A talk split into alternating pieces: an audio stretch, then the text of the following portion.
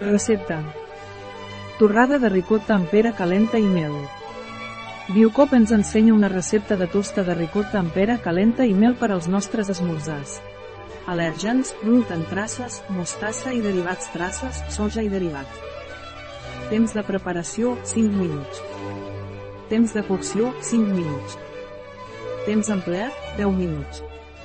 Número de comensals, 1. Temporada de l'any, tot l'any. Dificultat, molt fàcil. Tipus de cuina, mediterrània. Categoria del plat, berenar, esmorzar. Ingredients. Pa de camut. Una pera verda. Ricota al gust. Mel al gust. Passes. Pas 1. Estem formatge ricota al gust sobre una llesca de pa de motlla de blat camut de biocó. Reserva.